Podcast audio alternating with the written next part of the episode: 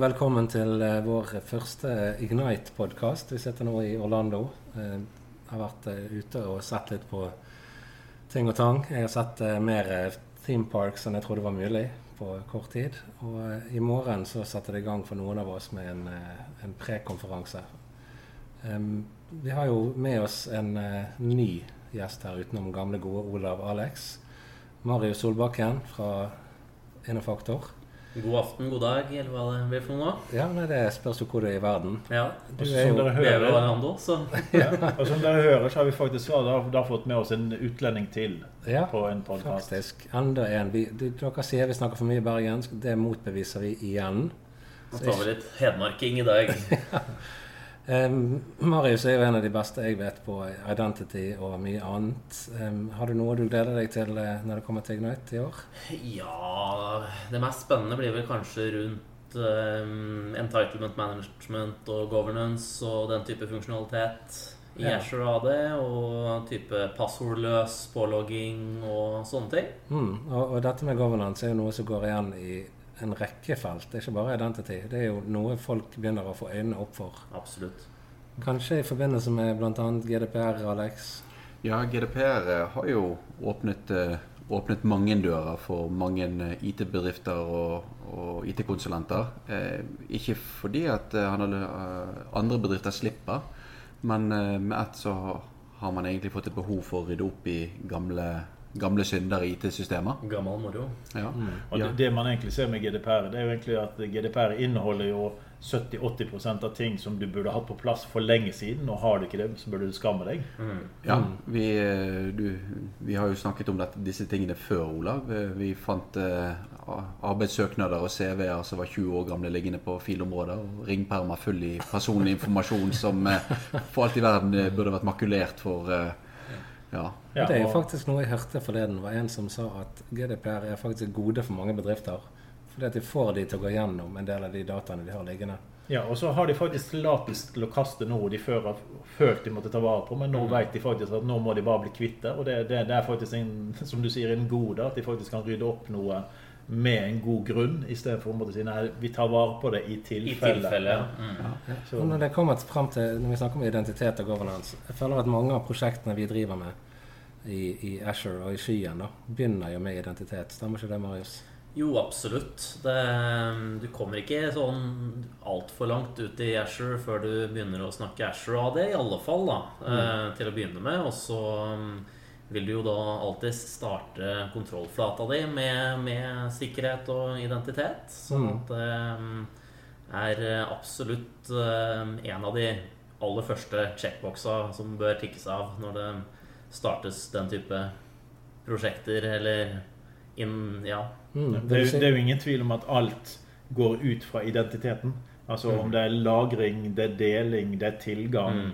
Eh, rettigheter og alt kommer ut fra identiteten. Så det er liksom nøkkelen i alt vi måtte finne på, går jo ut fra identitet. Absolutt. Alt med sånn type gammel tankegang om skallsikring og sånne type ting i IT-systemer er jo for så vidt et forsterkende element, men eh, ikke noe mer enn det lenger. Det blir jo helt klart identiteten som er det vesentlige, og det å da ha god kontroll på både hvordan du håndterer brukere, hva slags type tilganger de har over tid når de bytter stillinger, eller for den saks skyld forlater selskapet, eller du har samarbeidspartnere som Kanskje du har en innleid konsulent som du har gitt noen tilganger, som begynner å jobbe for et annet konsulenthus.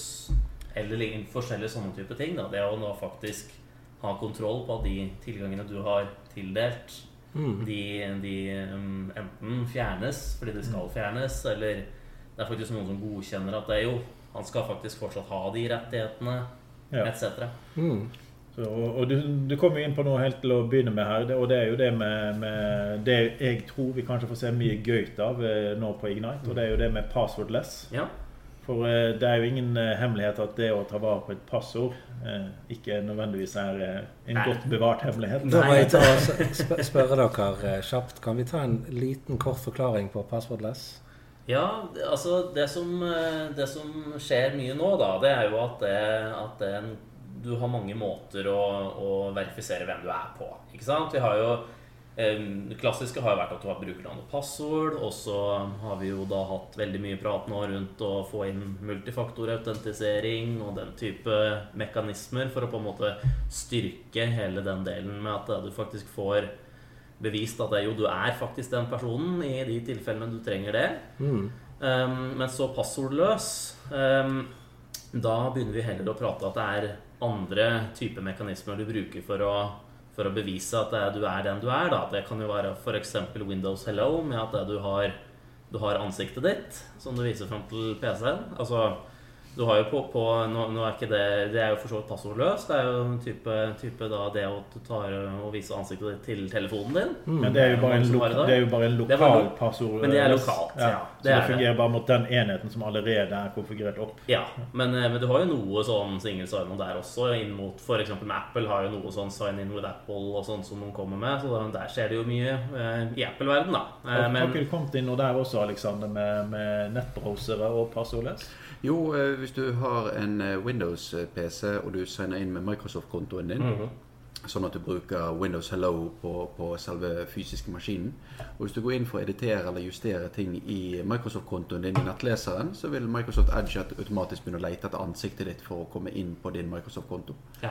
Så for privatpersoner har vi allerede fått passwordless hvis du har Windows Hello på um, på PC-en din aktivert. Ja, og her er det jo egentlig bedriftsmarkedet som på en måte er det som har hengt etter på det å få, få um, deploya ut sånn her type funksjonalitet. For det, og det har jo noe med at eh, Microsoft har ganske så god kontroll på Microsoft accounts og den type ting. Og så har jo nå Um, Asher hadde fått mye støtte da for, for, det at du kan logge på bare med Microsoft Authenticator-appen. Du kan enable det som heter phone sign-in og sånt der. Mm. Um, du kan enrolle inn såkalte Fido2-nøkler. Det har jeg hørt om, men eh, hva, hvordan fungerer det? Nei, Det er jo da egentlig en, eh, en, en USB-nøkkel som, som, det du registrerer på kontoen din. Som mm. på en måte blir et gyldig token. da Så hvis du da har den USB-nøkkelen på eh, nøkkelknippet ditt, eller noe sånt nå, så går du på egentlig hvilken som helst PC, og så går du på Du ønsker å logge på Office 365, så du går på portal Office.com, og så taster du inn e-postadressa di, mm. og da får du opp noen valg.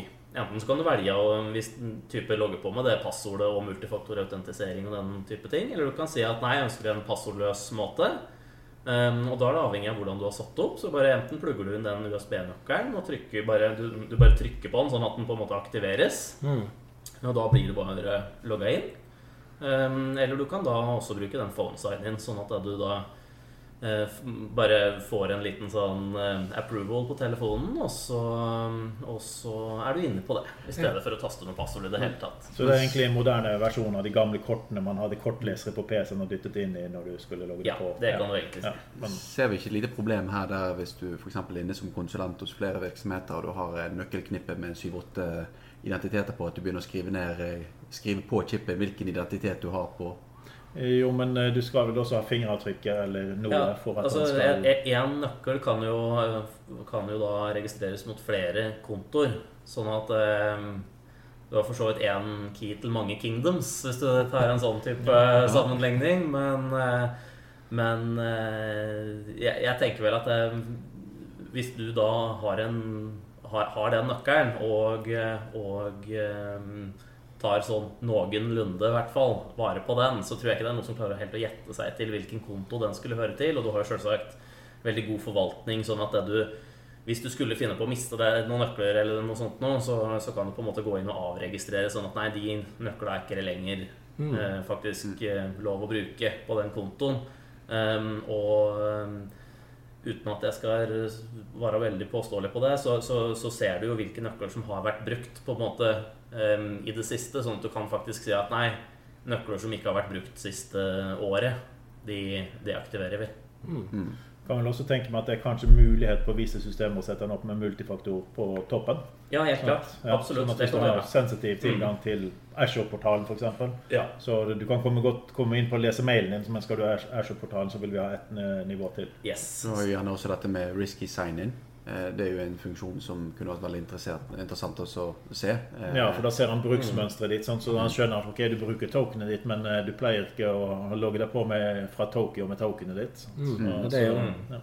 en, av grunnene, en av mange grunner til at jeg pleier å si at E5-lisens eller tilsvarende har mange fordeler, bl.a. Uh, risky sign-in. Ja, risk-based uh, risk authentication. Det er mm. veldig viktig framover. For vi må kunne avsløre hvorfor brukerne altså Vi må ikke plage brukerne uh, unødvendig, men når de gjør noe rart, så må vi kunne si hei, hvorfor mm. driver du på med dette? Ja, det er fascinerende egentlig hva som har skjedd bare de siste årene med, med Azure AD og den måten machine learning og, og, alt dette her fungerer på. At vi kan, vi kan lære oss av så mange brukere som logger på i løpet av en dag. Noen som husker hvor mange som logger seg på i løpet av en dag? Mot Azure AD ja. generelt? Oi. Det er helt enormt mange. Ja. Og alt dette brukes for å hjelpe oss. Jeg tipper tolv. 12 og 13 har jeg hørt mye. Men et eksempel på hvor gale det kan gå, det var når vi fikk inn eh, smartkort i min bedrift, som jeg var i før, skal ikke nevne navn, som vi da skulle sette i når vi logget på. Men brukerne ville ikke det. Så, ja, det var som om, så de satt i kortet, og siden det var litt større enn PC-en, så klippet de av den delen som stakk utenfor, og så var den i hele mm. tiden. Ja. Det er sånn brukere bare omgår De sikkerhet. Ja. Og det, det, som også var det største problemet, husker jeg, da, det var at du hadde det kortet, men det kortet glemte han hjemme. ja. Så det var, liksom, det var åpent for du kunne det eller det. Sant? Og da, da, er det ikke mm. sikkerhet. Vi, vi, har jo faktisk en parallell situasjon når vi var på på sikkerhetskontroll her i USA på veien eh, i går. Eh, så går jeg og Alexander i hver sin kø. Og det var valgfritt, forresten. Det var valgfritt. Det var ingen som sa at du skulle gå i den ene og andre. Og jeg, jeg gikk feil. Eh, for jeg ser på Alexander som står på andre siden. Han hiver fra seg tingene, og så går han gjennom en av de gamle metalldetektorene og er gjennom på fire sekunder, og det er ingen kø, ingenting som skjer. Jeg står i en kjempelang kø med full bodyscan mm. eh, og bruker lang tid. Så der var det høy sikkerhet. Men hvis ikke du likte høy sikkerhet, så kunne du gå til høyrekøen, for den hadde ikke høy sikkerhet. ja, så, ja, det er jo sikkerhet. Ja, så, og det er det vi må unngå. Og det, det, det er derfor det sånn risk-based ting kommer inn. Eh, vi må ikke gjøre det for tungvint unødvendig, eh, men det skal være sikkert. Og hvis det er unntak, så skulle du sagt du, du ser litt shady ut, Alexander. Du bør gå gjennom denne her fullscan. Eh. Ja, men det, er det som er så kult nå, syns jeg, er at, at du, gjør det, du, gjør det, på en måte sikkert, men du gjør det enklere òg. Mm. Passwordless, alt dette her, det gjør det det blir mye enk sikkerhet blir enklere. rett og slett. Ja. Mm. Du må ikke ha 17 USB-dongler og eh, facescan og bodyscan og alt. Ja. Ja. Ja. Så, og, og, det er jo kjempeviktig å huske på. Sant? Her sitter vi og snakker om mennesker som er sykepleiere, leger, eh, politibetjenter, eh, forsvarspersonell. IT-konsulenter, det verste verst altså, alle. Vi har, vi har mennesker som egentlig har absolutt overhodet lutt ingen interesse av IT. Det er bare det de er nødt til å bruke for å få gjort det de egentlig skal mm. gjøre. Mm. Det er egentlig bare en inconvenience. Alt ja. som har sikkerhet mm. foran seg, det er på en måte bare tungvint. Ja. Så, så, det er jo faktisk ta hensyn til det at uh, altså, der er yrkesgrupper som har uh, gående lunsj. Ja, det, det, skal bare virke. Sånn er ja. det egentlig. sant? Og ja. ja. du kan gå til en viss grad så kan du være med på noe, men det skal ikke være for mye hassle. Mm. Da kommer vi inn på hassle-budsjetter og sånn, den type ting. Mm. Ja, det, det, er et av de begrepene som jeg ble veldig fascinert over når, når jeg ble introdusert for det. Det var det at uh, man i ethvert IT-system må legge opp et hassle-budsjett. Og det er hvor langt er brukeren er villig til å gå for sikkerhetsmekanismer eller policyer bedriften pålegger deg, som f.eks. smartkort, mm. eh, mot det de får igjen. Før de finner en annen løsning. Ja. Det være seg hva som helst, egentlig, om det er Dropbox eller hva som helst som du ikke styrer. Men, mm. men ta, ta, ta, et godt eksempel. Ja, eller installere WinVNC på PC-en sin på jobben, for så kan du connecte deg mot den og jobbe mm. istedenfor at du må mm. gå gjennom VPN-tunnelen. Men uh, ta gode, gode eksempler. sant? Altså, vi, her har du mennesker som klippet adgangskortet og limte det fast inn i laptopen sin og gjorde den type ting. Og, og de brydde seg egentlig ikke noe om sikkerhetsmekanismen fordi det var ingen forståelse for det. Men gjør det samme med en bil. Din personlige bil. De mm. aksepterer litt mer hassle fordi det er en personlig verdi for dem. Mm. Uh, IT-utstyret til, til jobben er bare plagsomt. For de skal egentlig ikke ha noe med IT-systemet å gjøre. De skal inn der og registrere aktiviteten de har gjort. Nei, det er som du sier. De, de vil gjøre jobben sin. Ja. Og det er et verktøy for å gjøre jobben sin. Mm. Og Realiteten er jo at eh, vi i IT er jo egentlig der til stede for at de skal kunne gjøre jobben sin. Mm. Vi er ikke der for å plage dem, vi er egentlig der bare for å enable dem eh, å gjøre jobben sin. Mm. mm. Det er ikke alltid like lett. I, og det å samtidig da på en måte underbygge at du faktisk har en god sikkerhet. Ja, for vi har det ansvaret på siden for firma sin side. Altså Vi har brukeren, og så har vi firmaet. Nettopp. Du skal ivareta to egentlig veldig eller interesser som har, er, ofte har konflikt. da. Mm. Ja.